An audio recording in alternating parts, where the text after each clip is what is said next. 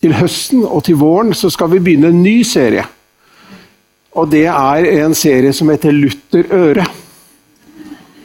Og Da kan vi begynne med å spørre kveldens gjest Hermor Kråkevik hjertelig velkommen først. Tusen takk. Ja.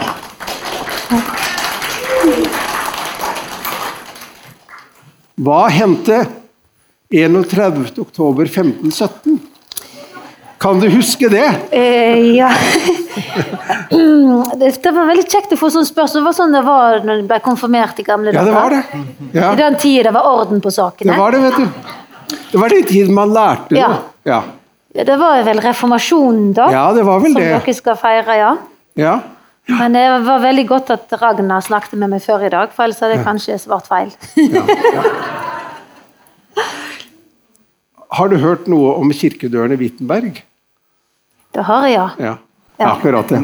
Da var det en som slo opp noen teser, ikke sant? Ja. Og det feirer vi i 1517. Ja. Og vi begynner da høsten 1516 med denne serien Luther 1516. 2016. Vi begynner da med denne serien som heter Luther Øre, som skal gå gjennom høsten og til våren. Hvor vi skal da ha fokus på reformasjonen. Så det blir spennende, og mer informasjon om dette senere. Så ønsker jeg altså deg da nok en gang velkommen, Herborg Kråkevik. Temaet er eh, Kirken og kulturen. Et naturlig samspill? spørsmålstegn. Og det, eh, Jeg har hatt gleden av å snakke med deg eh, en del allerede, så jeg vet at dette har du mange tanker om. Og du kommer jo fra hjertet av Norge, fra Hardanger. Og fra Jondal, som ligger sentralt i Børgund bispedømme. Og Også derfor er det veldig hyggelig at du er vår gjest i kveld. Og kveldens programleder, som vanlig, er Håvard Nyhus. Vær så god, Håvard, ordet er ditt. Tusen takk, Halvor. Um, dette, er et, uh, dette er jo et stort tema med litt sånn til dels ulne begreper uh, som overskrift. Kirke, kristendom, religion, kultur, kunst. Dette er jo sånn veldig veldig store, romslige begreper. Uh, men jeg tenkte vi kunne starte med, for jeg er veldig glad i å, plassere hovedgjesten vår. Hvor, hvor kommer hun fra? Hva, hva, slags miljø springer hun ut av? Jeg går ut fra at veldig mange her kjenner uh, Kråkeviks karriere og musikalske topper og, og, roller og det ene med det andre. Men hvor kommer hun fra? Hun kommer altså fra Jondalen, og så kommer hun fra et hjem som sto i en viss kontrast til lokalsamfunnet. Kan, er det en riktig måte å oppsummere det på? Ja, jeg det er egentlig veldig lærerikt å, å, snakke med folk om sånne ting, eller bli bevisst på hvor en kommer fra. Eh, for jeg kommer fra en familie ja, som nok alltid har vært i opposisjon mot eh, flertallet, om det nå var innenfor kristenlivet eller demokratiet generelt. Um, men det som Jo, når jeg fortalte om det, at de nok kanskje følte seg litt sånn på sida, eller kanskje alene med mange av sine tanker, er jo at på en liten plass som Jondal, så er det jo bare ja, mellom 1100-1200 mennesker. Og, og, alle går alle går i bedehuset, alle går til kirke, og det er liksom de samme som går igjen. Det er ikke sånn som f.eks. på Bømlo, som jeg bodde i en periode i livet mitt, da det var veldig Enten gikk du i den menigheten eller der, og de var liksom veldig sånne tette skott mellom, da. Um, mens i Jondal var det jo sånn at Indremisjonen var på en måte sterkt inne i alle alle, eh, ikke trossamfunn, men arena, da. Uh, sånn at Foreldrene mine hadde nok yngst seg sikkert å gå i noe som var mer høgkirkelig. Eh, å få det som jeg i mitt voksenliv har funnet da, i en menighet inne i Oslo som jeg gikk i når vi bodde der. Så jeg husker, var, jeg husker at jeg overhørte veldig mange diskusjoner mellom foreldrene mine der de diskuterte ja, predikanter som kom til Jondal og misjonerte, som de nok var veldig uenige med. Men de stilte jo alltid opp og var positive, og predikanter bodde ofte hjemme hos oss. Så det var liksom en sånn åpenhet som jeg tror har betydd veldig mye for meg eh, i møte med kristendommen seinere. At det går an å være uenig.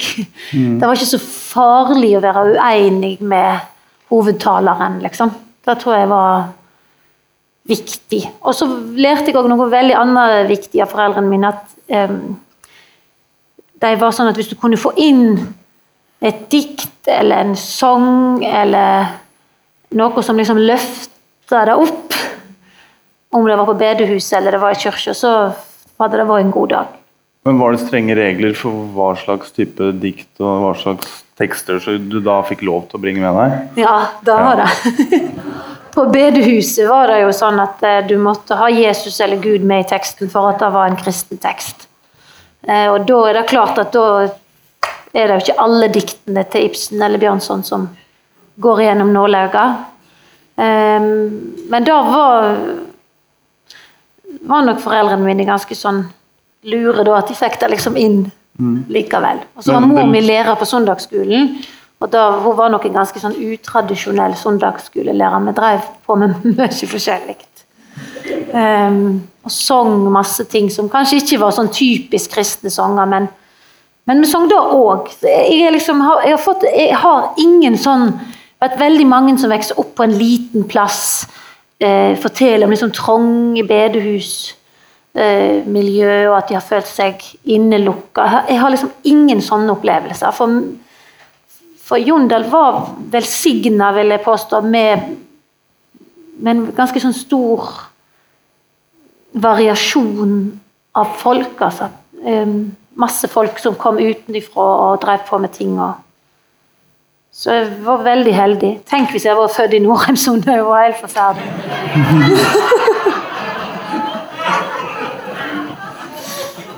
Nå ser du, det er rette for ikke noen for kvam her.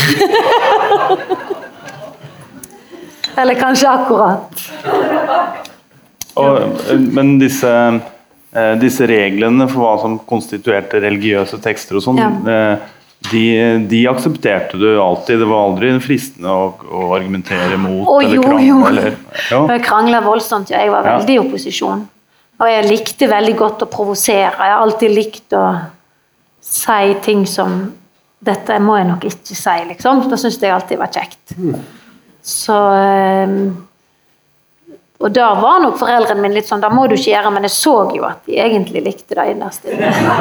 Så det var Nei, men jeg er utrolig takknemlig for det. At det er klart, jeg opplevde Selvfølgelig opplever en jo at eh, TenSing eh, Når jeg begynte i TenSing, så var det ofte som vi skulle spille gudstjenesten. Og da var det jo sånn at nei, vi kunne ikke spille den sangen, for den var ikke kristen. Og, eh, men da var det en veldig sterk leder i eh, TenSing, som også var sjef i musikkskolen, som nesten alle gikk på i Jondal. Så når han sa noe, så hørte de på ham. Og da sa han bare ja, men da spiller vi ikke, da. Og du vet, sier du ikke liksom nei. Så vi fikk som regel lov. Men det var selvfølgelig Indremisjonen hadde og sikkert mange andre òg, altså, men det var mye sånn hva er kristent og hva er ikke kristent. Og da er jo en ganske sånn innsnevring som jeg uh, tror er farlig, da, hvis, hvis kirka skal være skal gå kunstens uh, ærende, så, så må en iallfall være veldig åpen for å diskutere hva som er kristent, eller hva som er ånd. Det er vel kanskje det jeg er mest opptatt av. At det er det åndelige liksom en må kjempe for. Um, ja, men nå har jeg snakket meg langt ut jo, jeg synes det er kjempe, nei, det er veldig interessant. Jeg skal straks involvere deg og Halvor. Jeg var nysgjerrig på, Ser du ditt virke i dag? Du har bl.a. gitt ut eh, salmeplate, og du har laget disse juleheftene nå. Ser du på dette som en kontinuitet, en forlengelse av det du gjorde allerede da? I Jondalen, i din barndom, eller er det et, er det et brudd av noe slag et sted på veien her? Nei, jeg har vel aldri egentlig gjort sånn skikkelig opprør mot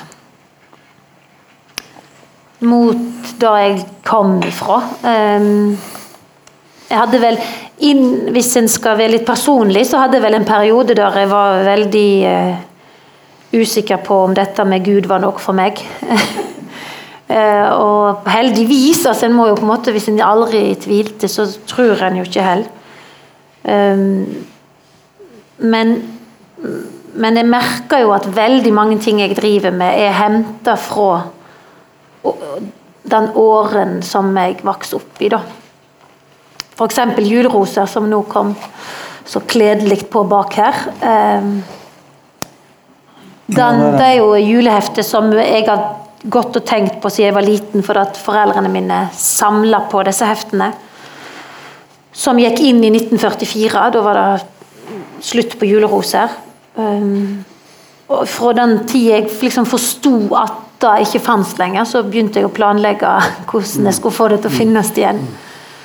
Uh, så det er jo en sånn veldig konkret resultat av barndommen min, da. Mm.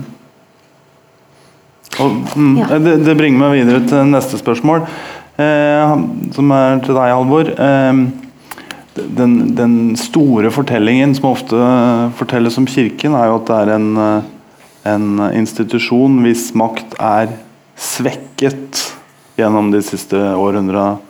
Men inni denne store fortellingen så er det også en liten fortelling som har et litt mer positivt fortegn. og den dette er i hvert fall min tese, og den handler om en kirke som har åpnet seg for det allmenne, den allmenne kulturen og kunsten. Og også andre veien, kunsten som har åpnet seg for kirken, og som eh, gjerne trekker veksel på noen av ressursene, språkressursene og innholdet i det kristne. Mm. Og bare det at vi sitter her i dag, er et tegn på det. Dette heftet bak her er også et tegn på det tydelig symbol på denne, uh, dette samspillet som har blitt mye sterkere. Synes du, Var det en, eh, en, historiefremstilling du deler? Ja, den, den, deler jeg absolutt. Jeg tror kanskje at inngangspremissen ikke er så riktig. At dette har eh, altså Du snakker om dette at Kirken har uh, mistet makt og innflytelse i samfunnet. Det er jo helt åpenbart riktig, det er ikke noe å diskutere engang. Eh, og så sier du at uh, samtidig så har da uh, kultur og kirken nærmet seg hverandre. Kirken har åpnet seg, og kulturen har åpnet seg. Jeg tror ikke det har så mye med kirkens endrede maktstilling å gjøre, for jeg tror ikke det var makten som var problemet før. Men det var vel mer det at kirken sto for å bli oppfattet som i hvert fall en institusjon med ganske stramme rammer for hva som, hva som passet seg og hva som ikke passet seg. Og i veldig mange miljøer, Herborg har jo så vidt vært inne på det, så var det jo slik at det kristne miljøet var veldig preget av en bestemt type bedehusfromhet. Som gjorde at alminnelige kristne i folkekirken ble litt sånn rådløse. Er det plass til oss her? Mm. Um, jeg husker jeg var oppe på en visitas, eller et besøk oppe i Indre Sogn. og Da møtte jeg et, et ektepar, og, som, og, de sa da at ja, vi har nå alltid vært i kirka, vi med dette med omvendelse. Det har vi liksom aldri fått noe tak på. Nei. Fordi Det var liksom en annen type fromhet. På bedehuset så ble det spurt om, om man var omvendt og hadde rett med Gud. Men på folkekirken eh, og det, i den mer alminnelige strømmen så gikk det på dette er du, ja, Hører du med her? Er du døpt? Er du konfirmert? Altså Man la mer vekt på disse de kirkelige handlingene. Og Så hadde jo også pietismen da det ved seg, og bedehuskulturen det ved seg, at den var ganske skeptisk til veldig mye kulturelle uttrykk hvis det ikke var direkte oppbyggelig. Ja. Altså F.eks. typisk kino. Mm. Det var synd å gå på kino inntil Ben Hur. Ja. ja. Og det er noen som er så gamle her at de husker Ben Hur. For det, det var sånn en, en, en fin og oppbyggelig film. Ja. ja. Den er jo og, også ganske bestialsk. Jo, jo, jo, men det er jo Bibelen òg. Ja. Eh, og så har det også det, Ja, så var liksom den skansen overvunnet. Eh, så har vi dette her med dans. Jeg var jo selv med i Fredrikstad kristelig ungdomskor. Um, og Der var det en sang som jeg husker var sånn Med din sang og musikk og dans kan du vise her at ditt liv er hans. Altså Guds, da. Og det, det sang vi med glede, men da kom det reaksjoner, da. Fra, fra Betel. Fredrikstad Indremisjon, som ikke likte dette at man skulle prise Gud med sin dans. Nei. Så da endret vi den strofen til følgende Syng om korset der Jesus led, syng om påskemorgen da han vant fred. Oi! Ja, Så der røk dansen. Eh, og det er klart at Dette her sier jeg også fordi det er litt morsomt, og jeg, det, det, det registrerer jeg at dere også syns. Eh, og det, er, og det er mange her i denne salen som kan fortelle lignende historier, i hvert fall de som er på min alder. At det var en type klein klamhet rundt mange kristne miljøer som gikk på dette med, med ja, Det var en debatt om, om rytmeinstrumenter og om trommer. Mm. og det var, det var, dansen som nevnt, og så var det alkoholen. At man kunne drikke i, på sydenferier, men man kunne ikke drikke hjemme. ikke sant, og alt dette her, og det, det, det førte jo til at det ble en litt sånn anstrengt atmosfære. Og veldig mange har jo opplevd at for å frigjøre seg, for å finne sitt eget liv, så måtte de bryte med kirka. Eh, og Human-Etisk Forbund er jo ikke noe sted i verden så stort som det er i Norge. Jeg tror det er 80 000 medlemmer i dette landet. Det er jo en betydelig andel av befolkningen. Mens derimot i England så er det færre humanetikere enn der i Norge. Organisert. Enda det er så mange flere innbyggere. Og i Danmark, hvor du bor for tiden Da fins ikke den organisasjonen. Ikke, ikke sant? Fred, fred være med Danmark. Ja. Jeg er helt enig. Men og, og, og, det er jo fordi at de ikke har hatt den samme, eh, den samme ja. konfliktfylte kulturen rundt uh, pietismens uh, skepsis overfor kulturlivet som det vi har hatt i Norge. Men nå, Håvard, for nå Nei, men Jeg har så lyst til å si noe, okay. bare akkurat for det er så interessant det med pietisme. Ja, for, du skal få igjen ordet etterpå. Ja. ja, for vi må snakke, jeg, noe, jeg, vil ikke si noe stygt om Human-Etisk Forbund, for det er òg masse fint der. Jeg vil, da vil jeg gjerne, ja. Men jeg kan også si noe fint etterpå. Men, men, eh, men jeg tenkte på Se der. Eh, apropos dans. Nå har vi rytmen. Eh, ja. Men for det, det, det Nei, jeg tenkte på det med pietisme og lo godt, for det der med kino var jo sånn i Jondal òg. Det var synd å gå på kino helt Jeg husker ikke, det var ikke, selvfølgelig ikke Ben Hur, men det var en annen film som plutselig var det greit. Og jeg husker bestevennen min Jostein. han satt og grein utenfor kirka når Bjørn Eidsvåg hadde konsert. For faren hans og foreldrene hans han fikk ikke lov å høre på Bjørn Eidsvåg, for han, Bjørn Eidsvåg var frafallen etter eh, den plata som het et eller annet ja. Mens jeg fikk lov å gå da og kunne komme ut og gi referat om hva Eidsvåg hadde spilt. Eh, men det jeg tenkte på, for det er veldig lett òg Det er klart pietismen det er mye rart og morsomt.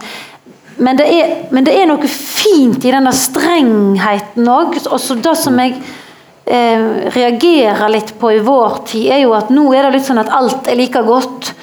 Og, og um, det jeg tror en skal passe seg for i Det er jo en utrolig vanskelig balanse, for hvem skal bestemme rett og galt? Altså, dette er jo de helt store spørsmålene. Og hvem skal bestemme hva som er i pakt med Bibelen og alt. og Da har vi jo heldigvis folk som er utdannet til å ta seg av. Eh, men, men, det er et eller annet med at eh, vi er så veldig sånn glad i vår egen tid, og at ja, vi er så frigjorte. og men egentlig er vi òg litt fattigere for at en ikke har de der som tør å si at dette mener jeg faktisk er synd. Det er jo ingen som snakker om synd lenger. Det er jo Det er det jo selvfølgelig, men Men altså, det er et eller annet som provoserer meg veldig i det der eh, Ja, ja, ja, men det er like godt, da er like godt som dette, eller Da blir det noe veldig ufarlig eh, Hvis en skal gå veldig religiøst inn i det, da, så er det òg en ufarliggjøring av Jesus. For jeg tror jo at han f.eks. hvis han kom i kjøtt og blod i dag, så ville han jo mange ting han virkelig hadde lyst til å velte. Mange bor han. Mm. Um, og da tenker jeg at jeg av og til sjøl òg ler litt av de der som var veldig strenge. Men det var noe fint i det òg, for det var liksom en vilje til å være upopulær, da. Mm. Det, ja, var vel altså- ikke, var vel Pietismen var vel mer livsbejaende, hadde vel mer livsbejaende valør enn det vi gjerne gir den kreditt for i dag, i, sånn etter, etter påklokskapens lys? Det tror jeg er ganske forskjellig. Eh, det var absolutt en livsbejaende og kulturåpen pietisme også. Og Pietisme og folkekirkelighet har jo vært fletta i hverandre. Og vi vil også si det at Uten pietismen så hadde folkekirken manglet mye kraft. Og, og jeg er veldig enig i det du sier, at eh, styrken med pietismen var at de både kunne snakke klart om synd og om frelsen. Og de turte å utfordre folk til å ta et valg, ikke sant. Ja eller nei til Jesus. Ja. Det har jeg veldig sans for. altså. Ja. Det, det syns jeg er fint. Du som sitter her i kveld og ikke har det rett med Gud, det er jo ingen som snakker sånn lenger. Og, og Det kan jo fort bli litt klamt, men, men det skal de ha. At de våget også forkynne evangeliet veldig sterkt. Mm. Men det var mange kulturmiljøer eh, som jeg, som jeg selv har opplevd, som, som gjorde livet altfor smått. Det var altfor mye engstelse og altfor mye forsiktighet og altfor mye tabuer på de gale stedene. Eh, Og Det tror jeg faktisk har skapt et klima som i lang lang tid gjorde, for å komme tilbake til de spørsmålene, Håvard, at, at kirke og kultur hadde altfor få berøringspunkter. Eh, Og Nå har jo for det første pietismen tapt en del av sin kraft, og den har også endret seg. Pietismen er mye mer i dag. Moderne eh, pietister på bedehuset har også svingkurs. Mange steder, ikke sant? Og det er jo helsosamt. Det er positivt. Så, øh, så det er et annet klima, og frykten for kirken, de som i dag er på din alder og yngre, de har jo ikke noen opplevelse engang, de aller fleste, av at kirka er der som en mørk skygge. Nei. Ikke sant? Fordi at de har opplevd at kirken har, spiller en forholdsvis perifer rolle i, i livet. Og den kirken de har møtt, det har vært eh, folkekirken knyttet til dåp og konfirmasjon osv. Og, så videre, og den, den er jo ikke spesielt klam og trang. Så de har ikke noe å gjøre opprør imot. Nei. Mens de som da er i generasjonen foran, de har kanskje opplevd eh, som jeg sa tidligere, at det å finne sitt eget livsprosjekt også betyr å gjøre opprør mot kirka. Og jeg er glad at den tiden er over, og at vi nå har en, en, en, en kulturatmosfære hvor ja, f.eks. du kan synge salmer og fortsatt ha en del sånne revyaktige nummer i, lettere antrekk, har jeg sett. Ja, ja. Ja. Ikke mens du sang salmer, altså, men allikevel. Nei, det var altså- kanskje en god idé til neste forestilling. Ja. Nei, men altså, Ja. du, er, du er jo et, et eksempel på en artist som favner veldig vidt. Ja. Du har jo salmene, du har Mats Berg og, og Sangskatten, og så har du Malene Dietrich. ja. Det er stort spenn. Jo, jeg liker nok veldig å gå fra ene ytterpunkt til det andre, men eh, Og det går fint i dag. ja.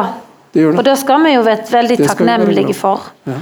Um, men hva var det jeg satt og tenkte på? Du sa et eller annet som jeg tenkte det der er veldig Som jeg hadde lyst til å spørre deg om. Men eh, ja. Du, du sier jo at det er flere berøringspunkter, men disse berøringspunktene som, de setter jo noen, noen grenser i spill. Mm. F.eks. angående kirkerommets hellighet. Mm. Hva er det ikke ok å komme trekkende inn i kirkerommet med? Ja, der, der tror jeg at jeg vil ha Og der har vi et veldig nytt eksempel, bare i forrige uke, var det vel, hvor denne artisten Moddi ble nektet av et menighetsråd å, å fremføre en låt han gjerne han hadde ytret ønske om å fremføre. Det er noen grenser der, åpenbart. Ja. Eh, Jeg tror jeg vil operere med to typer kriterier hvis du spør hva er det som passer seg i en kirke. Og Det ene er et innholdsmessig kriterium. Og Det går på det at det som fremføres i en kirke, må være kompatibelt med kirkens tro. Det betyr altså ikke at det behøver å være forkynne. Det er ikke nødvendig å nevne Jesus i hver en sang. ikke sant? Det går godt an å synge ja, nær sagt verdslige sanger, helt alminnelige sanger.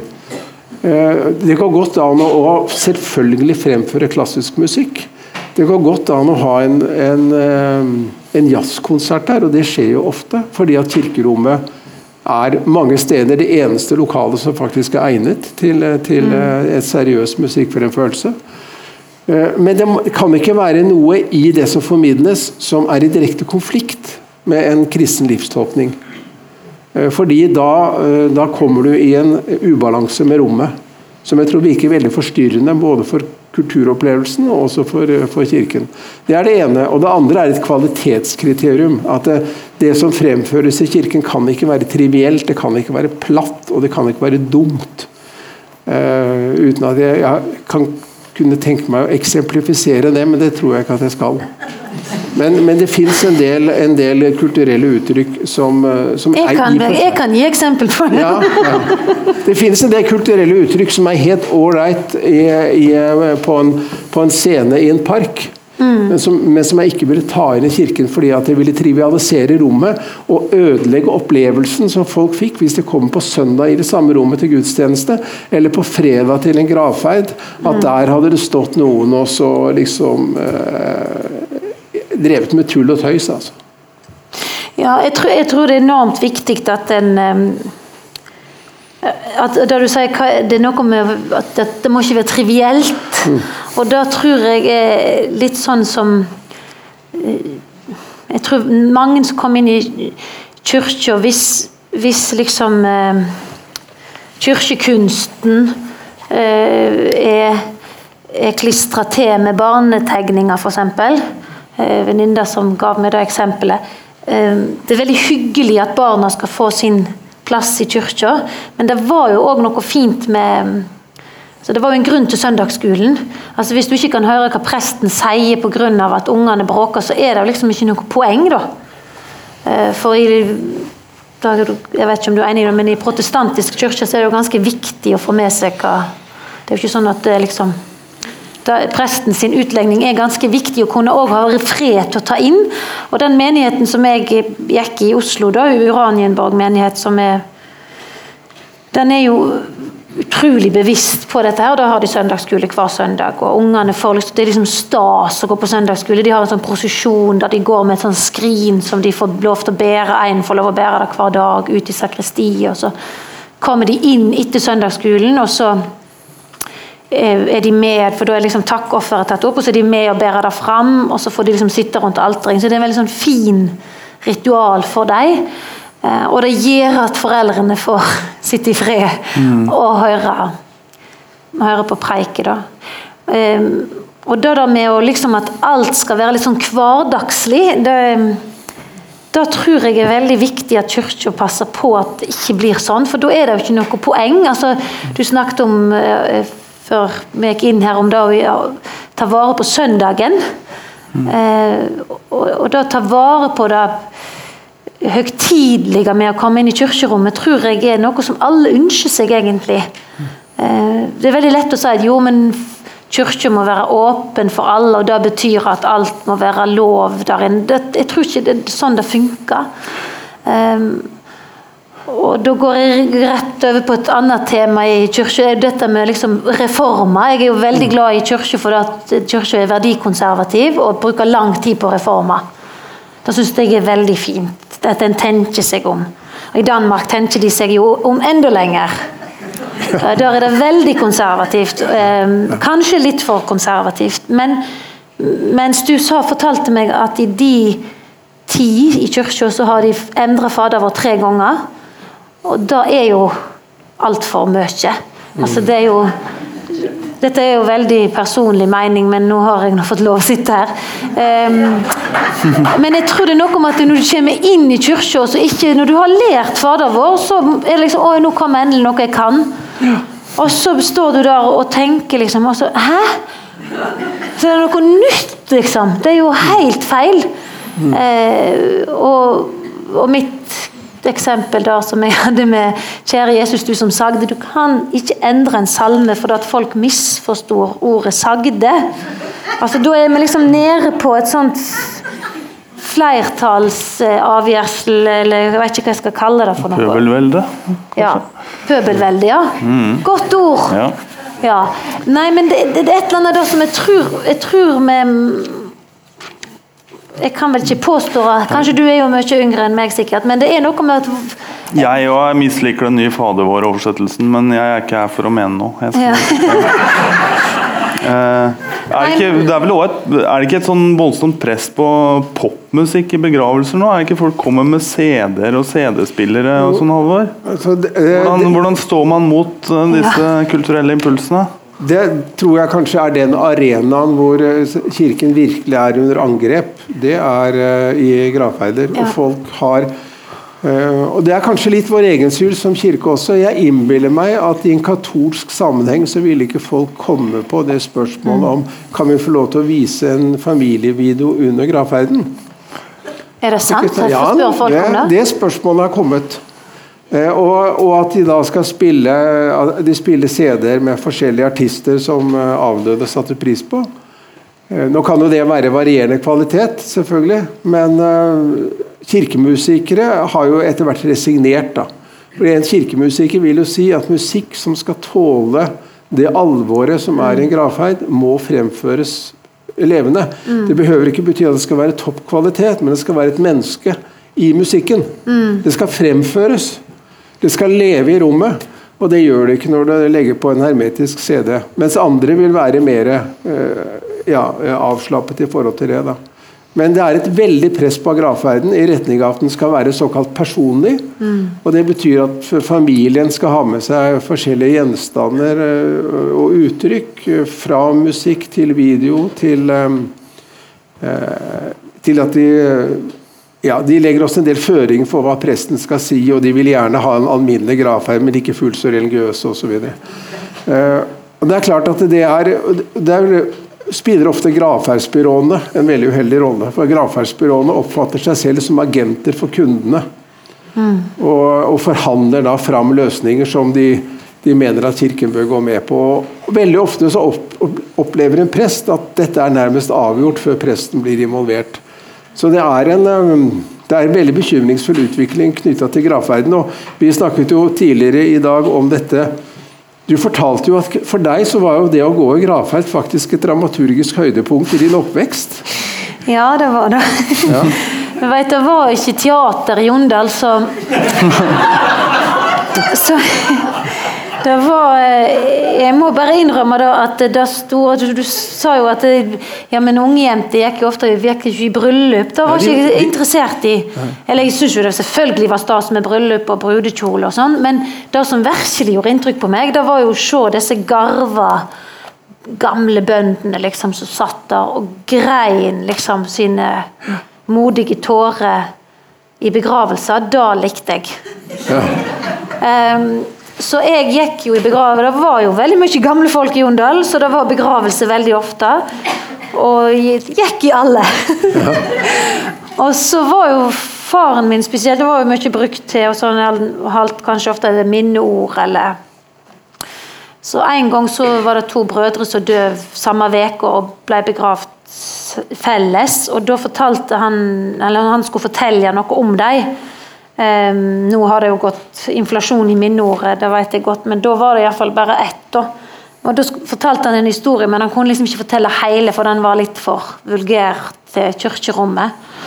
Men jeg kjente jo den, så jeg begynte sånn å le, og jeg klarte ikke å slutte å le. Eh, og, og ble da ført ut av begravelsen, og så fikk jeg ikke lov å gå i begravelse mer. Med mindre det var nærmeste slekte. Ja. Men, men begra ja, begravelse er jo jeg, jeg, jeg tror det er veldig mange som tenker på det der. Jeg har vært i veldig mange begravelser til Eller veldig mange, men jeg har vært i en del begravelser til kollegaer altså i bransjen, der det òg er veldig det er ikke måte på hvor mange som skal opptre, f.eks. Eh, og og av, spille av avdøde sine verk.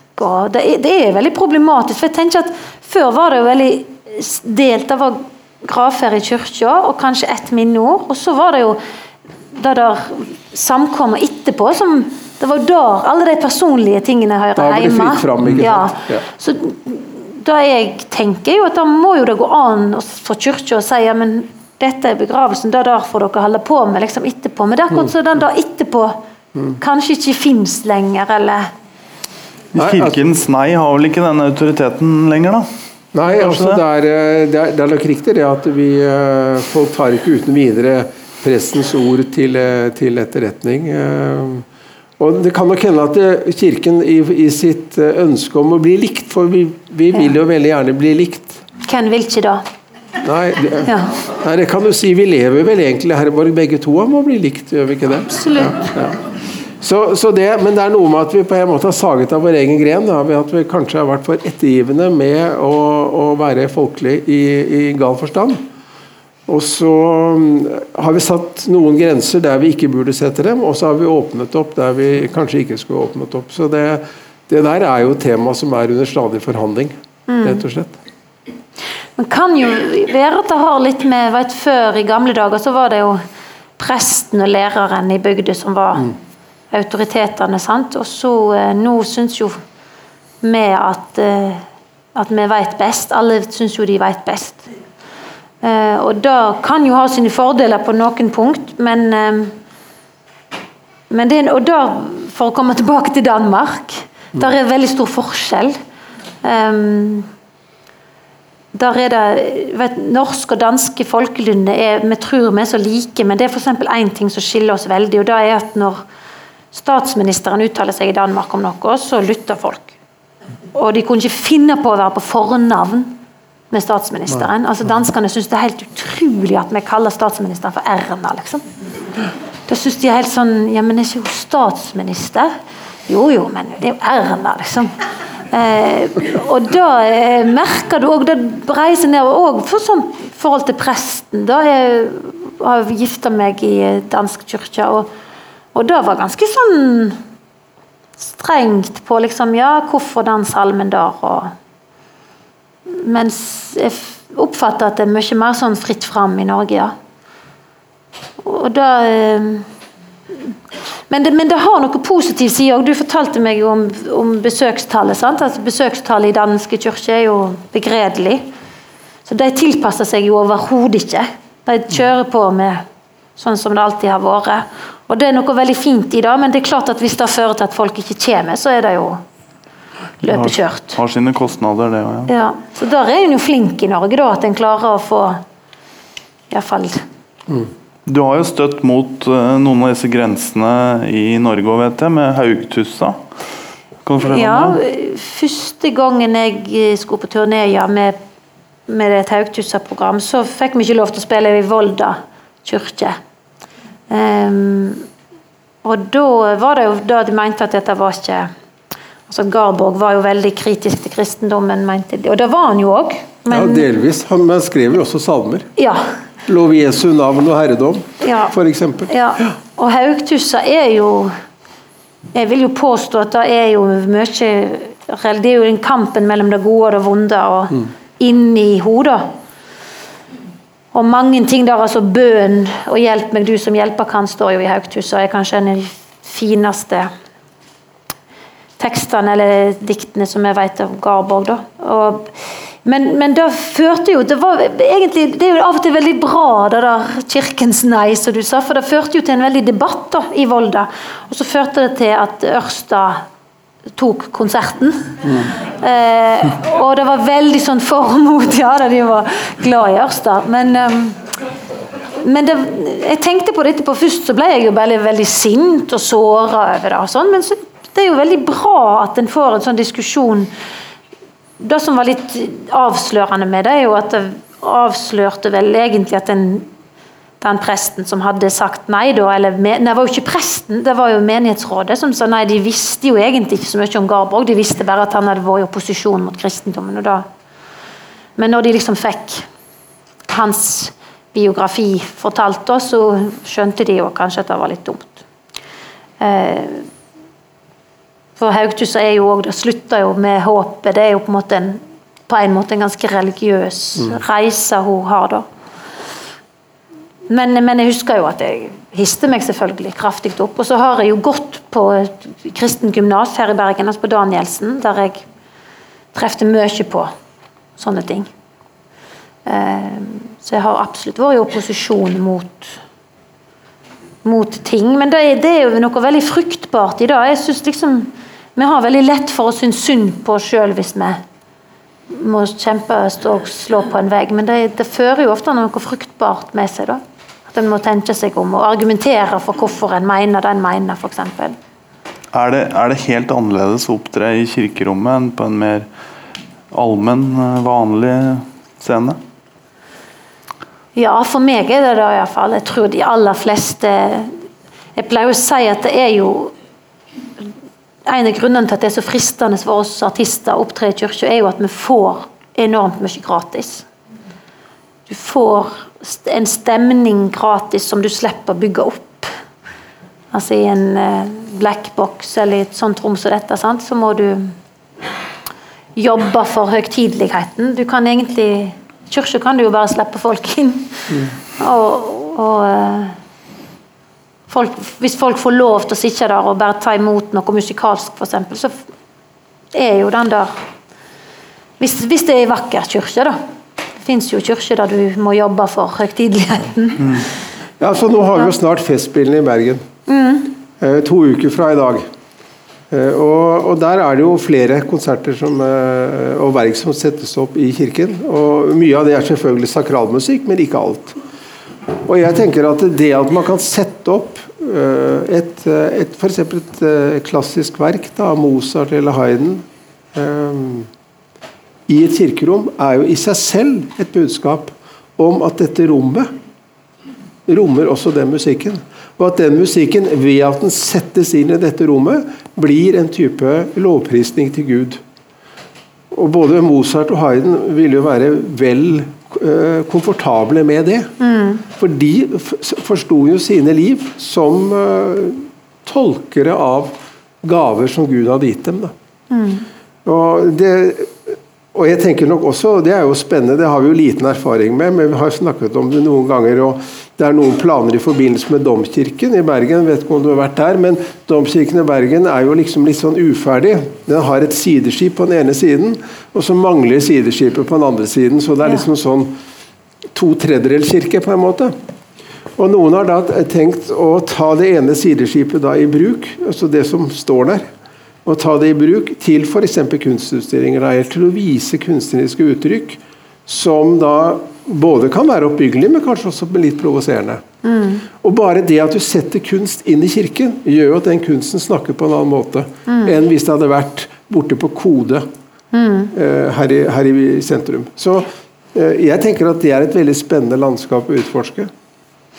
Ja, det er det. Og så er det noe med det skiljet liksom som en har Jeg kan ikke nok om det historisk, men det har jo på et tidspunkt ikke Altså kunst og religion Altså det åndelige har på en måte vært mer felles på et tidspunkt, før en begynte å skilje mellom hva som var mm. såkalt kristent og ikke-kristent. Så jeg òg tror absolutt at det, det, det handler jo veldig mye om du var inne på klassisk musikk. altså All stor kunst er vel en måte en slags søken etter å få svar på Eller ikke få svar på, men en søken etter noe større enn oss sjøl, da. Mm. Um, og eksempel i um, når arbeidet med juleroser, så, så, så er det jo har jo fått inn en del tekster som jo absolutt er som kanskje ikke liksom oppfattes som hyggelige julefortellinger, men det er liksom en måte altså Det er jo et lengsel etter det høytidelige julet. Og på veien mot det målet så skjer det jo mye rart med oss mennesker. um, jeg bare kom til å tenke på det når du snakket om Mozart. For at han, Mozart levde jo et ganske rabiat liv. Og var jo skikkelig bohem. Mm. Og det får meg til å tenke på Vigdis Hjort. Ja. Som eh, er òg skikkelig bohem og rabiat dame. Og enormt kunnskapsrik. Mm. og opptatt av religion, opptatt av Hun er veldig kjenner av Kirkegård. Hun skrev jo noveller til juleroser i fjor som handler om en mor som kjemper med å holde seg edru på julaften og bare gleder seg til julaften skal ta slutt, for da kan hun drikke seg full. Mm. Og Det er ganske sånn heftig julefortelling, da. Men, det han, men, men det, som all god kunst, da du kan si, altså, vet jo, Vi vet jo veldig lite om hva Mozart tenkte i de forskjellige verkene sine, men det er liksom en slags higen etter noe større. Det er jo en higen etter en høgtid og en fred i det hun skriver, og selv om hun setter ord på ting som som f.eks. en pietist kanskje ville sagt at 'dette går ikke an jul', eller Så Sånn sett så er det noe Ja. Jeg tror, jeg tror kirka nå når vi liksom vi mangler på en måte mange arenaer i vår tid eller i samfunnet vårt der det er lov å være høytidelig og lov å, å um, hylle liksom Hva skal jeg si kunsten med stor K. Og Da kan kanskje kirka eller Da ser de jo allerede at kunstnere søker seg til kirka, da. Ja, så jeg tenker at en, all, all, god kunst har det du kan kalle for et transcenderende element. Altså Det er ja. noe som går utover det alminnelige. Og Veldig ofte så handler det jo om rett og slett skjønnhetsuttrykk, f.eks. Mozart. Da, ikke sant? Ja. At det er en så ubegripelig vakker musikk. At du tenker at denne musikken kommer fra himmelen. Og langt på vei var det vel også det den gjorde. Han skrev jo veldig lett. Ja. Altså Det var jo på en måte som om det ble gitt ham. Ehm, men også kunstneriske uttrykk à la Vigdis Hjorth sin fortelling. Eller ehm, for en del år siden så satte Erik Hillestad og Kirkelig kulturverksted opp en forestilling som heter 'Dans med oss Gud'. Mm. Som var veldig provoserende. Eh, og som handlet om mennesker som da var eh, forsøkte på en måte å erobre kirken med sine uttrykk da, og med sin protest og med sin ehm, ja, med sine rop. Mm. rett og slett. Som bl.a. handlet om 'Hvor er Gud?' i det meningsløse og alt dette her. Og Det ble en veldig sterk forestilling. og det, Også den er jo transcenderende fordi den er sann. Mm. Den søker jo ikke skjønnheten, men den søker på en måte det groteske og opprøret og det som ikke stemmer. Disharmonien. Mm. Og også disharmonien er jo absolutt en vei til Gud. Mm. Hillestad har vel tidligere blitt nektet å sette opp noe, han driver og presser på disse grensene? Ja, Det har han vel kanskje, men jeg vil nok si det at Erik Hillestad er av de, er av de virkelig store brobyggerne. I, eh, han mente for øvrig at Modi burde få lov til å fremføre den uh, Pussy Riot-teksten òg. Det mente han sikkert. Ja. ja. ja. Men det, altså, det, er veldig vanskelig å vite noe om denne Pussy Riot-teksten, fordi at den kjenner jeg ikke til. Uh, ja. Jeg tror det var, det var ordet 'dickhead' blant annet, som uh, vakte anstøt i enkelte kretser. forrige, forrige, gang Herborg, så spurte vi hvor kristent skal Norge være. Mm. Så jeg tenkte å overføre det på, på, dette. Hvor kristent skal dette juleheftet ditt være? Har du noe slags måltall det går etter? Eh, ja, vi har i hvert fall diskutert det veldig mye i redaksjonen. Jeg har jo to proffe redaktører med meg, da. Som kan redaktørjobb sånn skjønnlitterært. Eh, da har vel jeg vært liksom pådriveren for at juleevangeliet skal være med hver gang. Mm. Uh, og og der, ja, nå, Jeg hadde jo helt glemt jeg har jo helt glemt at jeg tenkte du skulle få, for du sa at du ikke hadde fått tak i det. Nei, altså Jeg prøvde faktisk i hele desember ja, å få tak i det heftet ditt, men ja. det var ikke å oppdrive. Nei, det var dumt da. da. Jeg hadde ikke trodd at det skulle Nei. gå så bra. Men nå kommer det jo nytt hvert år, vet vi, år framover. Nå, du, nå, skal du redigere dette her i 100 år, ikke sant? Ja, det er da jeg kommer ikke fra det der, så jeg får det travelt. Men jeg tenkte jeg skulle finne For det vi gjorde, var at jeg ville si at juleevangeliet er jo uh, trygt inni her. Um, og da valgte vi da i, i dialog med Jan Oskar Utnem, som har skrevet om juleevangeliet første året, um, at det både er det vanlige, liksom, Lukasevangeliet, og så er det òg eh, Matteusevangeliet, der det står om hva som skjer etterpå. da. Om hva som skjer med Jesusbarnet etterpå, utdrivet, altså når de flykter til Egypt. Og. Men nå skal du få det nå, så du har det. Tusen takk.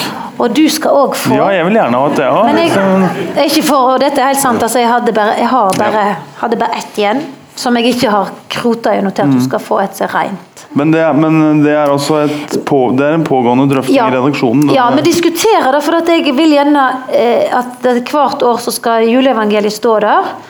Eh, og de var litt sånn Ja, men det sto første år, er ikke det nok? Nei, det er ikke nok, jeg. Det må være der. For det, det, er veldig sånn lett å tro at ja, men da kan jo alle, og da har jo alle. Men sånn er det jo ikke. Det kan være godt at en vet at i julerosa da står det iallfall. Så hvis en får lyst til å lese det på julaften, så vet en i hvert fall at det er jo ikke alle som har Bibel liggende. Um, men så snakket vi mye om det at det var spennende å invitere forskjellige personer i samfunnsdebatten i offentlige liv til å skrive om juleevangeliet. Men så har vi vel egentlig landa på det at vi syns at det skal være en prest som skal skrive om det. da. Mm. Og det Argumentet mitt for det er jo at jeg syns det er fint at de har tross alt studert det i iallfall sju år. Ja. Eh, og det syns jeg er fint. altså det Forfattere skriver skjønnlitteratur der, og, og prester får skrive om, om juleevangeliet. Det, tror jeg kan være spennende for folk. Da, for det er jo de fleste i landet vårt leser jo ikke eh, tekster kanskje av prester sånn til daglig. Og det er, jo, det er jo ofte en annen de har, annen de har, jo en helt annen kunnskap inni Når de leser juleevangeliet, så ser jo det noe annet enn vi ser. Dere har jo også invitert Karl Ove Knausgård, eh, den bejublede forfatteren. Og det er vel fordi han har en viss sensitivitet for, for det religiøse? Ja, eh, og fordi det var veldig lurt å få han med. Ja, ja. ja, jeg skal ikke underslå det. Men eh, nei, eh, faktisk så var det den historien Noas ark som gjorde at jeg tenkte jeg hadde lyst til å få han til å skrive noe lignende. Men da å få han til å skrive um, noe spesielt for heftet var ikke så lett, men vi fikk lov til å få noen tekster som ennå ikke var kommet ut, som står i disse her om høsten, om vinteren, om våren. Bøkene, da. Men eh, det som gjorde veldig inntrykk på meg med Knausgård, er jo den boka han har skrevet 'En tid for alt', som handler om englene sin historie. Der han skriver om eh, Noas ark-fortellingen, som eh, du har skrevet veldig fint om, mellom annet. Som jeg har hørt hele oppveksten min, og jeg har hørt Noas ark. Og det har kommet helt innholdsfortegnelsen nå, ja.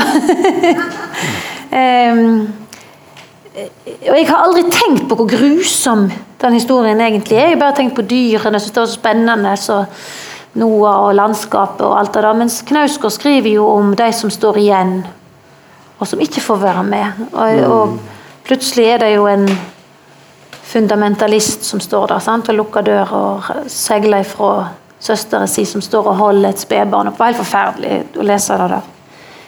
Men han har jo virkelig Han er jo et imponerende åndsmenneske, rett og slett. Har utrolig kunnskap om bibelhistorie og kirkehistorie, tydeligvis. og kunsthistorie. altså Utrolig hva han har fått med seg. Ja, altså Knausgård er jo et, et, eksempel på en dikter som starter da i det religiøse, og som dikter seg på en måte utover. Ja. Eh, den boka som du nevner, har jeg også lest. 'En tid for alt'. og Det er jo, det, det er jo ren, en blanding av bibel og ren fantasy-litteratur. Ja. Hvor han da tegner opp et, et, imaginært univers som er befolket av eh, fantastiske vesener. Mm. Og Det er en veldig sånn suggererende fortelling. og Det nærmeste jeg kjenner til som har gjort det samme i Skandinavia, er Gøran Tunstrøm med en bok som heter 'Ørkenbrevet'. Som er rett og slett en diktning om Jesu barndom. Han, han, lager, han, han, lever seg sånn inn i Jesus at han, han, skriver om fortellinger som han mener må ha hendt mm. med Jesus. Og Det er jo fri diktning, men det er jo båret av en, av en veldig type åndelighet som, eh, som jeg syns er eh, lovende. da. Fordi mm. at Her oppstår rett og slett kunst på kristen mark som går sine egne veier, men som allikevel har veldig tydelig røttene festet i jorden. Og Du kan ikke si er dette kristen kunst? Men det er i hvert fall kunst som er helt utenkelig uten den kristne grunnfortellingen i bunnen. Lars Petter Sveen er det vel han ja. heter. Guds barn gjør Guds det samme, dikter ja, videre på bibelfortellingene. Mm. Ja, for Grunnen til at jeg nevnte dette, er jo at nå har vi jo snakket litt om hvordan kirkerommet har åpnet seg opp for ulike kunstneriske uttrykk, og, og, og sånn sett representerer en slags en tilnærming, åpen holdning. Men du ser den også andre veien, fra disse kunstnerne som søker seg mot de religiøse ressursene mm. og, og, ønsker å, å um, rekontekstualisere noen av de sentrale bibelfortellingene og sånn. Så det er bevegelse begge mm. veier, mener jeg. Et, ja Har du lyst til å si noe? Nei, altså og, jeg, Der har jo du gjort fine ting. Og det vil jeg bare oppfordre deg til å fortsette med. Og, og gi, gi, dine tolkninger av, av salmer. Av uh, Det kunne være moro om du ville prøve deg på noen av disse bedehussangene en gang også. Å ja, det er mye fint. Jeg har prøvd meg på det, og jeg har spilt inn eh, Åge Samuelsen sin. Og du har det? Det, Og det. Jesus, du som Ja. Fyller alt i Alt i alle. alle, ja. ja. Men eh, det, jeg fikk han omsett til nynorsk, for alle tekstene, alle salmene er på nynorsk. Og han som omsetter den, han har jo tatt seg noen store friheter, da. Men den er jo utrolig fin, altså. Men jeg har lyst til å si en ting, for jeg tenker på det med litteratur og eh, For det jeg tror eh, som kunne vært veldig fint, eller som jeg opplever at kanskje det er visst sånn Jeg vet ikke om det er sånn, men jeg fornemmer at det er en tanke i, hos mange prester nå i kirka. En slags sånn At kirka tar mer ansvar for dannelsen vår, altså kunst, den kulturelle dannelsen. Og det tror jeg er veldig lurt, for nå eh, lever vi i ei tid Det skjer så masse ting nå som jeg tenker nei, dette må være tull. Altså jeg føler liksom Hvis jeg leser eller hører liksom utspill fra offentlige utvalg, og sånn, så tror jeg det er 1. april. Eh, for eksempel, nå har regjeringen satt ned et utvalg som har eh, kommet med sin framstilling til norskfag i skolen. Jeg vet ikke om det er liksom, jeg var på en konferanse der jeg skulle opptrede, og da tenkte jeg men dette må jo være tull. Altså det er jo at det skal være enda mindre, De skal nesten ta vekk hele litteraturdelen i norskfaget. For at det er så problem... Norske barn er visst- visstnok veldig dårlige til å skrive norsk. Eh, Og det skal løses med mer grammatikk eh, og mindre litteratur. Og det var jo ganske lite fra før. Eh, og så er det òg det der at det er blitt opp til hver enkelt lærer hva som er pensum. Og på gymnaset. Det det er jo ganske rustende. Det fins ingen kanon. Nei. Nei. Eh, og da eh, Det er klart at det, det er fint å stole på den enkelte lærer, men du må på en måte ha en viss Ja. Og da tenker jeg at kirka kanskje kan eh, Hvis, hvis kirka på en måte klarer å ta opp i seg liksom, samtidslitteratur og, og ikke minst eh, den klassiske litteraturen, og på en måte passe på at vi får lest ting, eller at folk kan en del ting. Ehm, så er det kanskje en, det, er jo selvfølgelig kanskje litt utenfor mandatet, da, men, men det er noe om å være det. Jeg tror at noe av det farligste i vår tid er jo kulturløse, på en måte. Um, jeg hørte jeg, jeg hører ikke så veldig ofte på radio Jeg hører som regel bare på musikk og sånn på radioen. Så hørte jeg altså på dansk radio, jeg hører veldig mye på norsk P2 når jeg er i Norge. Men, men det var en debatt mellom en eh, islamsk ung muslim, veldig, veldig fundamentalistisk, sånn skrømende type som du ikke kan Uansett hva motparten sa, så kom han bare med sånne lukka dører-argument. Men da skulle iallfall motparten prøve å forklare forskjellen liksom på den kristne kirke sin stilling i vårt samfunn og eh, ja, altså imamene sin stilling i et muslimsk diktatur. Og det er jo veldig vanskelig hvis du ikke har kunnskap om 1700-tallet og opply- opplysningstid og alt det der som du skriver veldig fint om i den boken jeg hadde for dere her sist. Eh, og da tenker jeg på, det kan òg være en enormt viktig misjon for norske kirker i, i årene som kommer. og Rett og slett lære oss, og ikke minst liksom oppveksende generasjoner, om den veien vi har gått. Eh, For du, du spurte meg i går om jeg var komfortabel om å snakke om personlig tro og sånn. Eh, Og jeg må jo innrømme at når, når i møte med fundamentalisme, da, så blir jeg jo litt sånn ja, men kanskje er det bare tull, dette her. tenker jeg. Kanskje det er best vi slutter helt med religion. Og det tror jeg mange tenker at kanskje vi bare skal legge det helt vekk, for da er det liksom ikke noe å diskutere. Når en møter en sånn farlig fundamentalisme. sant? Men så tenker jeg at den vei, den reisa den kristne kirka har gjort, da, ifra eh, ganske sånn stygge ting og undertrykkende ting til det en ser i dag, er jo utrolig sånn forbilledlig. Altså Hvis en kan misjonere den delen til andre religioner, så er det kanskje et håp, da. Men det krever, ganske mot. For du må på en måte si at ja, denne her Eller stolthet er kanskje det jeg syns mange mangler. At vi liksom er redde for å si ja, men i Europa har vi faktisk noe vi kan være stolt av. Vi har gått en vei. Og Det ville vi anbefale dere å gjøre. Ja. Det, ja, og Da blir du ofte sett på som sånn å, hovmodig eh, Ja, bedreviter. Men en må jo på en måte En må jo få lov til å si at ja, men det har jo funka hos oss. Kanskje det Mm. Kanskje funker det hos dere òg, liksom. Selvfølgelig på hver sin måte, men da savner jeg litt i ja. offentligheten. ja, da ble visst et lite innlegg. ja, det var bra. Vi skal, vi skal, straks åpne for eh, spørsmål fra salen, så jeg kan jo begynne å grunne på noen. Uh, jeg, har lyst, jeg har lyst til å spørre deg forresten, Halvor. Julegudstjenesten, er det en, er det en moderne institusjon eh, du har et helt avklart og forsonlig forhold til? Eller kan det bli for mye business?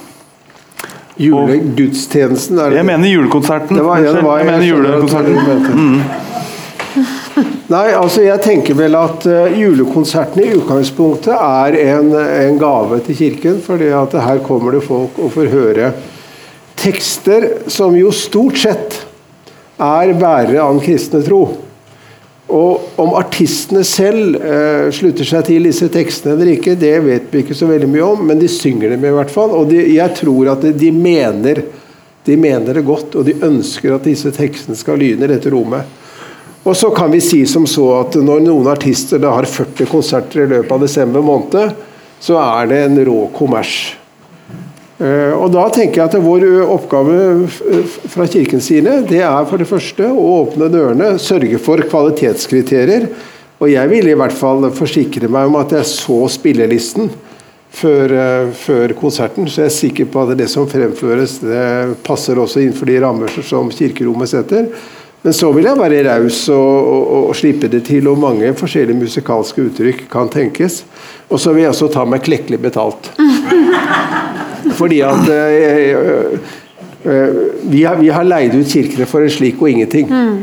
Fordi vi, vi, er liksom vant til å stå der med luen i hånden og være glad hvis noen går forbi og putter en femmer oppi. Men kirkerommet er virkelig verdifullt, og artistene vet godt at det er bare i kirkerommet hvor disse konsertene fungerer.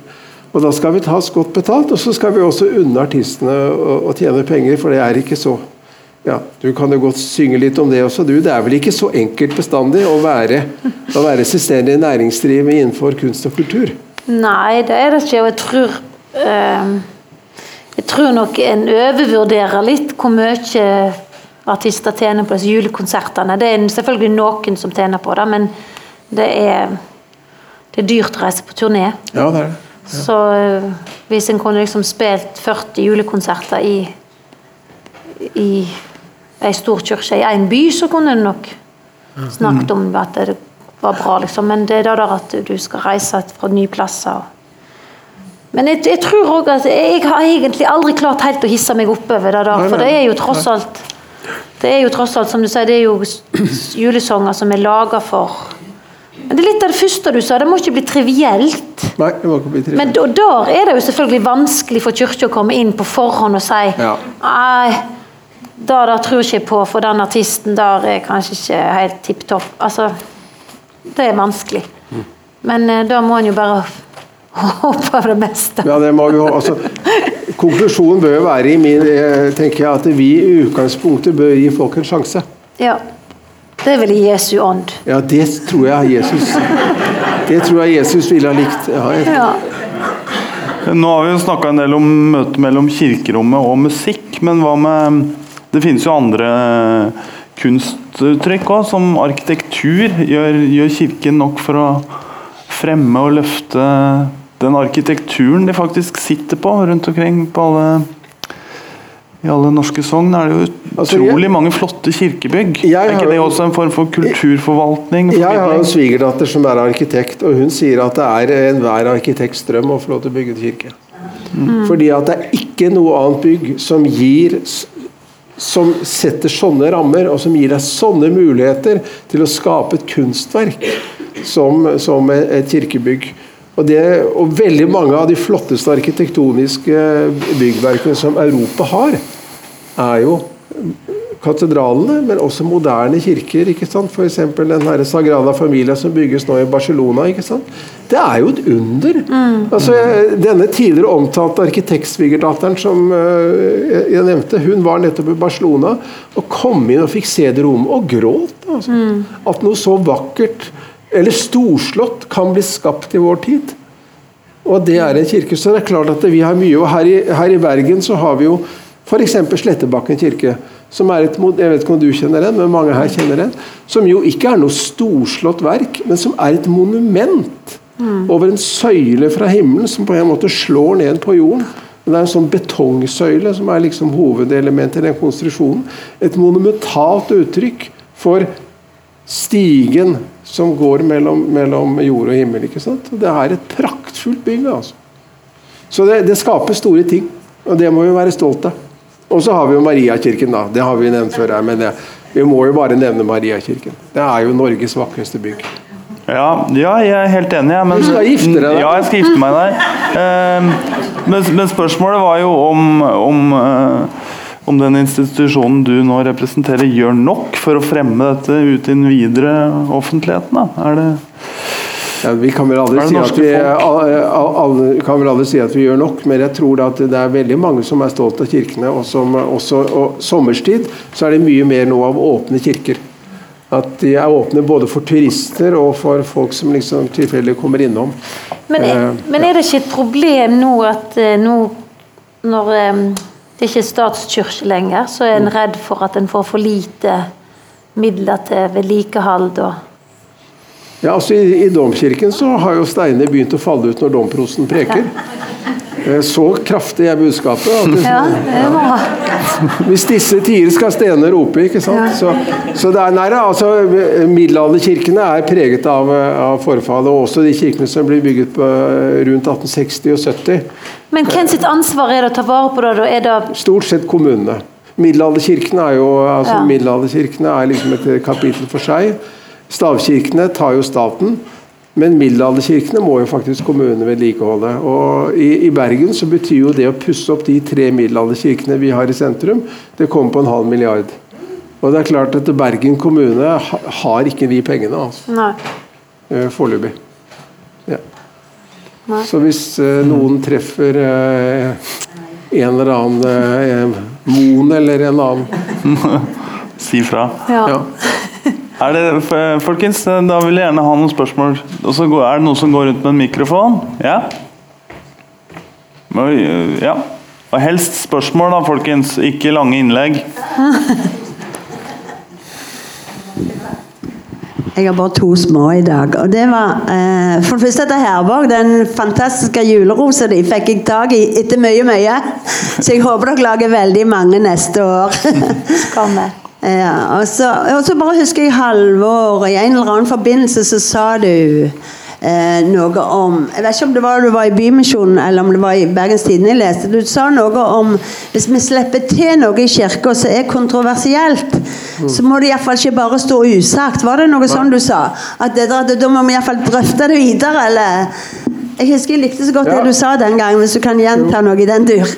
Ja, og Det er veldig bra at du nevner det, fordi det supplerer litt det jeg sa tidligere. Jeg mener nok faktisk at Kirka også kan tåle uttrykk som er i direkte konflikt med det kristne budskapet. Men da vil jeg forbeholde meg retten til også å komme med et svar.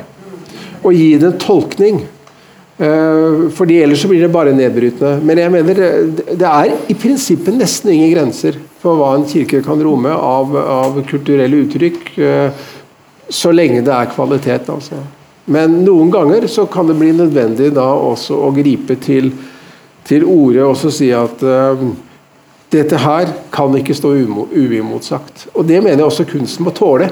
Kunsten kan ikke frede seg selv og si at ja, men vi bare er sånn, vi. Jeg, jeg må innrømme, jeg får ikke, Hva slags type kunstuttrykk er det som står i direkte motsetning til det kristne budskapet? Hvis det er ikke kunsten å søke ja, sannheten? Og, det kan jo f.eks. være, et, nei, det kan jo for være et kunstverk som da eh, La oss nå si dette diktet av eh, 'Ta meg ned, det er på tide'. Hvem var det som skrev det? Nei, det var det ikke. Inger Hagerup. Ja. 'Ta meg ned, det er på tide', trodde jeg jeg kunne line det som millioner led. Altså, det er jo et direkte antikristent dikt, men helt eh, altså som eh, dekonstruksjon av korsfestelsen. da, Og sier at det var forgjeves at Jesus døde. Ja. Men den stemmen må også bli hørt. Ja, for det er jo akkurat, det kan jo være et utgangspunkt til en preiken for hvorfor Men, men ja. hvis den teksten skal høres i kirke, og det mener jeg at den kan, Mm. så vil jeg også si noe om hvorfor Jesus døde. Mm. Og, i dette, og så tenker jeg at uh, i dette spennet, for det at Jesu død er jo virkelig noe som kaller på motsigelse, altså, og som Ja. kaller på spørsmålene. Ja. Det er jo da det blir spennende, tenker jeg. Altså, det er da, for, apropos, for så lenge du sier at en holder seg til kvalitet, og Inger Hagerup kan en vel ikke betvile er kvalitet, så det er akkurat det der at det er noe som provoserer at dialogen må Du være har- til stede. ja. At det ikke bare er et ut... Og det er vel kanskje det som en kan si er forskjellen på et kunstgalleri og kirka. At hvis du stiller ut i kirka, så må du òg på en måte finne deg i å være i dialog med det som kirkerommet er bygd for. da. Ja. Og sånn tenker jeg om konserter òg, at du kan godt gjøre ting som kanskje ikke har noe med kirka direkte å gjøre, men da må du på en måte eh, rette det mot et eller annet i kirkerommet, eller iallfall være klar over at publikum vil sitte og tenke da og da, eller, og det er jo spennende. Du, har du ikke spor av Inger Hagerups klagemål i Jobbs bok allerede? Jo da, du har det. Det men, men der er jo poenget i Jobbs bok at uh, denne klagen Jobb klager jo over den meningsløse lidelsen. Uh, og, og den klagen får jo lov til å stå der, og veldig mange mennesker gjennom århundret har jo funnet sin egen lidelse igjen i, eh, i, i, i jobb. Men det kommer jo et svar. Eh, Noen mener jo at det svaret er sekundært i forhold til grunnfortellingen, men det, det kan vi jo ikke vite. Men det kommer et svar i slutten av Jobbs bok, hvor Gud da faktisk går i rette med jobb og sier at du er et menneske og jeg er Gud. Og dette er faktisk for, stor, for eh, stort for deg. Og så angrer Jobb i CK Aske, og så blir han oppreist, og så får han da et, eh, et velsignet liv. Det er jo en ganske sterk fortelling, da. Og uh, den teologien som Jobbs bok serverer, er jo omstridt, faktisk om, eh, om, eh, om denne, denne anklagen fra Guds side. Den, den er faktisk ganske sterk å lese. Men det kommer et svar. Ja. Eh, neste spørsmål. Trigget av, av Inger Hagerup og, og henne, hennes dikt og din strategi, Halvor. Altså, tilsvaret er, er viktig, tenker jeg. Og da er, er du inne i en, en greie som handler om at kirka har vært kulturbærer i et tusenårs tid i, i, i dette landet. Og ikke, ikke bare en som på en måte åpner døra eh, for andre eh, kulturuttrykk, men vi, vi også er eh, aktører på, på den kulturelle arenaen. Eh, og vi har noen Eller kultur handler også, tenker jeg, dypt nede et sted om vår egen selvforståelse. Altså hvem er vi? Eh, og da tror jeg at vi har noen arenaer eh, som, som er viktige. Vi har vært inne på noen av dem. ikke sant? Altså Begravelsesritene, eller, eller alle de ritene som, som på en måte markerer de viktige eh, anledningene i livet. Og for å imøtekomme Håvard da, som spørsmål, er vi ikke for passive på en måte i det der? Har vi ikke tiltro nok til vår egen eh, styrke som, som kulturaktør og livstolker? Det måtte da bli spørsmålet. Eh, Bare si litt mer. Hva mener du vi skulle gjøre som vi ikke gjør?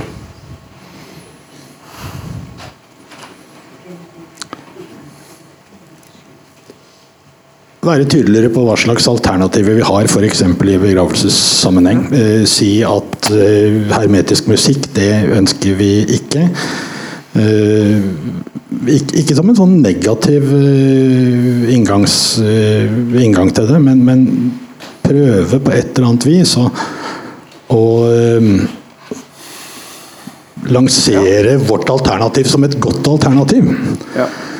Bare, bare, bare, bare for å illustrere det Ja, altså, veldig kjapt. Jeg er veldig enig i det at, eh, at den første strategien for en prest og en organist i en gravfeil er å vise de pårørende til eh, gode kristne tekster og kulturuttrykk som, som står seg i rommet, og som fremføres der og da.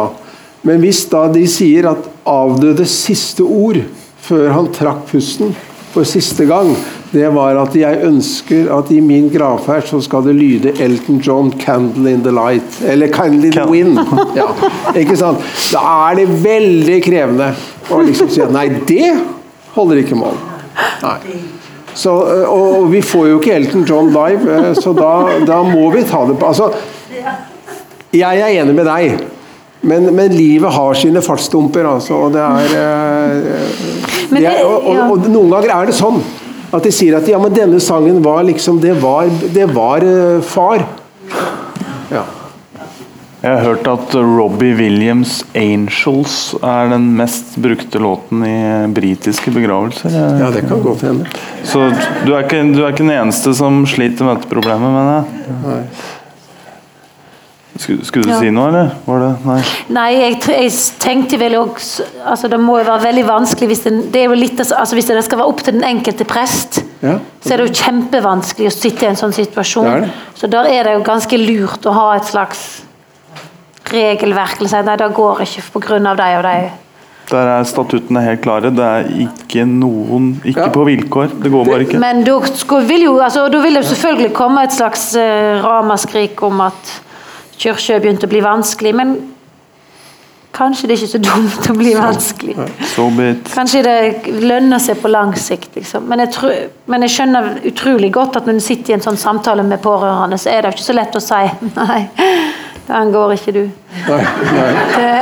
nei, altså det er, jo, det er jo den mest sårbare av alle situasjoner. Ja, det er veldig vanskelig. Ja. Men, men det handler jo òg om at, at en er kommet på en måte det, det må òg være lov til altså Akkurat i den samtalen går det ikke an å si det, men det må jo være lov å diskutere det mens en ikke er pårørende. da, Ja. altså I offentligheten og si at vi er jo blitt ganske frekke òg. Veldig mange går kun til kirke dåp, konfirmasjon, bryllup, begravelse. Og så kommer en liksom da i begravelse og skal liksom bestemme hvordan ting skal være. Det, det, det er jo litt sånn Sier litt om tidsånden. At vi er litt sånn Ja, det er min begravelse. Og jeg Jo, men, skal er, bestemme. jo, men sånn tenker jo folk. Det er min begravelse. Ja, Ja. ja ikke Ja, da. nei, men Det er jo en veldig viktig debatt å ta, faktisk. For det sier kanskje noe veldig grunnleggende om, om tida vår. At vi tar oss den Berettigelsens Ja. tid. Ja. Ja. Uh, skal vi ta et nytt spørsmål? da? Vær så god. Her høres det bra. Takk til deg, Herborg, for det du sa om eh, respekt for pietismen også. Jeg vokste opp i Nord-Norge med masse lestatianere. Og det er lett, så lett i ettertid å tenke liksom Det kunne være litt komisk med mange av disse stengslene med, med gardiner og frakker hvor, hvor djevelen var innom. Men de var jo praktfulle mennesker, og så måtte jeg reflektere over Skal tro om 50 år hva de sier om en sånn refleksjon som vi har hatt nå. Det er bare en litt, sånn, litt morsom tanke. Hva tenker de om oss nå? Det var veldig interessant å høre. Men jeg, jeg fikk så lyst til å spørre jeg føler at eh, det er jo så mye bra i kirken, selv om eh, søkningen går ned, som vi vet. Og, og alt dette med kunst det er så flott, men jeg føler det er noe med at Kirken er ikke så attraktiv for de som føler på sårbarhet. Og der tenker jeg Er det noe at vi som, som er glad og tenker positivt om Kirken, at vi kan gjøre Kirken mer attraktiv for de som, som er mer sårbare, som ikke føler at de lykkes i dette samfunnet hvor mange går hen og blir så deprimert fordi de er ikke gode nok. Og da, uansett eh, altså kirkekunst og finkulturell og alt mulig, så føler jeg at hjertet blør for disse unge som, som går rundt og føler seg så mislykket. Og mange gjør det også om de kommer i kirken. Men det var et lite sukk. Ja. Ja, Ja. men det, det sukket, det hører vi. Ja.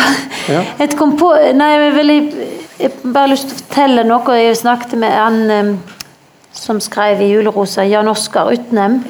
Jeg og han snakket om øh, Om den debatten som var når det liksom var på det heteste med åpen folkekirke og øh, Og ja, hele det der greiene.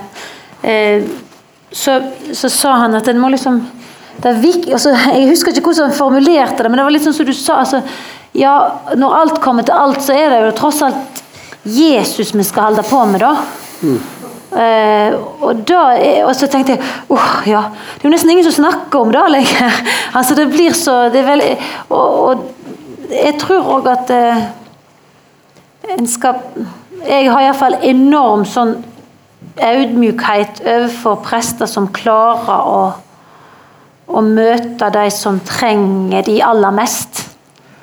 Eh, Og da handler jo mye om det jeg syns er enormt rørende med Nye testamentet, er jo å lese liksom hvor kompromissløs Jesus er i å, i å se de som de andre ikke vil se. Eh, og, det, det blir er, Men nå er jo ikke jeg inne i kirkelige kretser her hele tiden, så jeg vet jo ikke hvor mye en snakker om det. Men det, det kommer litt sånn i, det er mange ting som kommer i veien, tror jeg. Sånn at terskelen for å gå i kirka kanskje Jeg vet ikke. Du er i kirkelige kretser nå, da. Nå er jeg i kirkelige grense, ja. ja. Er ikke det kjekt? Det er veldig kjekt.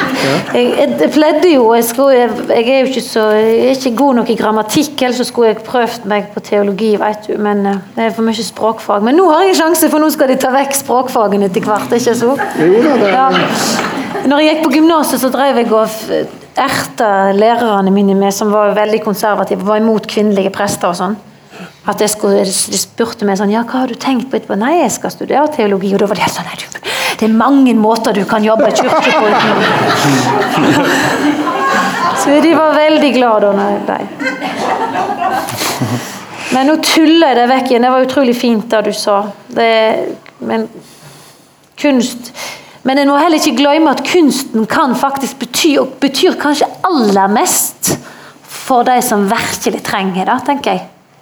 Altså Det er kanskje når du ligger helt nederst at du skjønner det guddommelige i en fugabach, eller når du er på toppen, så når det kanskje ikke helt inn.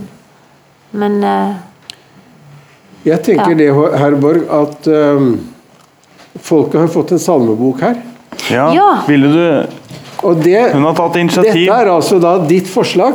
Ja. Du som ikke er vant til å gå i kirkelige kretser. Du, eh, Jo, jeg du- er jo da. Ja, er Men jeg har veldig respekt for at Ja. en skal ikke uttale seg skråsikkert om hva som skjer i kirka uten å være der.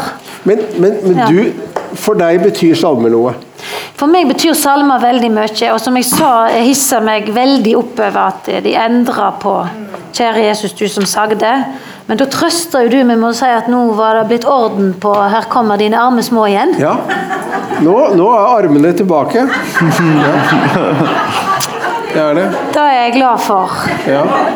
Og så snakket vi om at du skulle synge en salme her. Jeg skal ikke synge, men vi skal Nei, synge en skal salme. synge. For jeg tenkte på Det er nummer 842. Takk.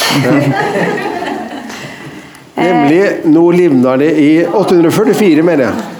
Nå livnar de i Lundar, og det gjør de jo. Altså, Nå er jo rhododendronbuskene overalt. De spretter ut. Nettopp. Da har vi òg diskutert litt, skjønner Ja, du. og vi er vel egentlig- I eh, Norge er det jo ofte sånn at en tar vekk Altså I Norge er det de to første og de to siste, og i Danmark er det alle vers alltid. Ja. Og her skal vi gjøre som i Danmark, skal vi ikke det? Ja, det syns jeg vi skal. Og da blir det faktisk avslutningen på denne serien på Tron løs, at alle reiser seg og synger noe limnar i lundar, alle vers. Men da kan du stemme opp, da, kanskje? Jeg kanskje kan da, ja.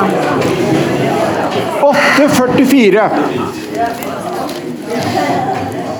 Har alle fått salmebok, da? Nei. Tror, jeg, jeg tror vi har Nei, ikke, ikke jeg. Du, Nei, men vi kan se i lag.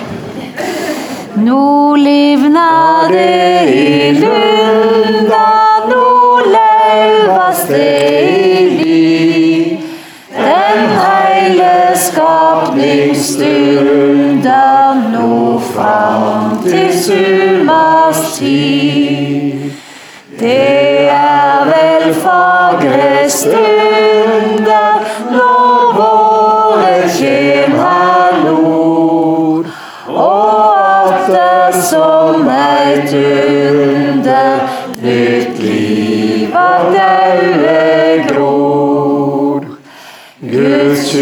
kyrkjer lysa skue som høgt på bergeins dam Med sumar utan kulde og utan sola glad.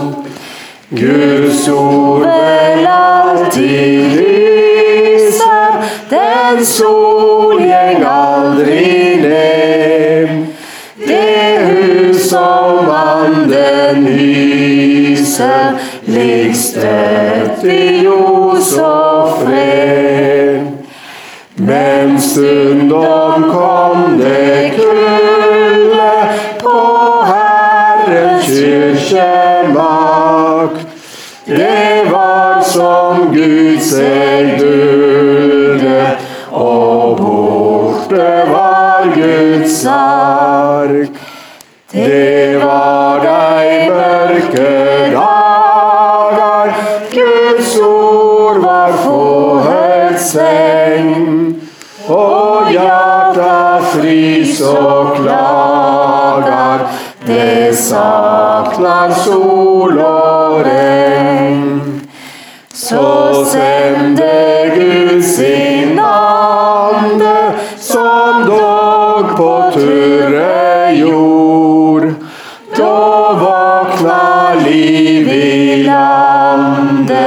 da grøddes vent Guds ord.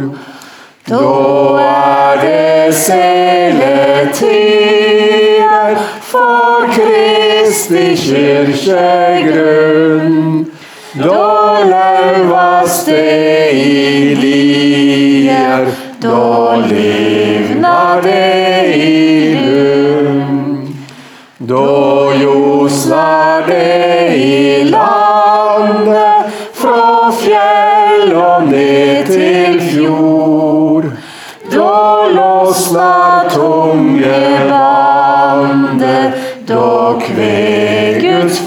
folk i kor. Da skin over strender som sol en sumarkveld. Da gløder kring i grender ein heilag altareld. Du vår med Jose-dagar,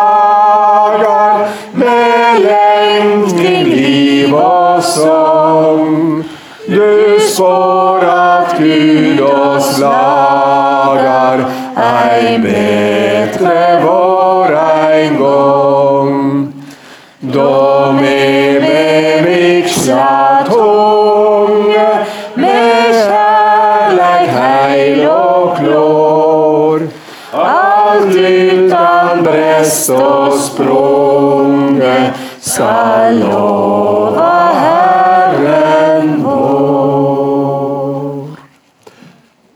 til alle som kom, og takk til Herborg Kråkevik, og takk til Håvard Nyhus for har vært, som har vært med.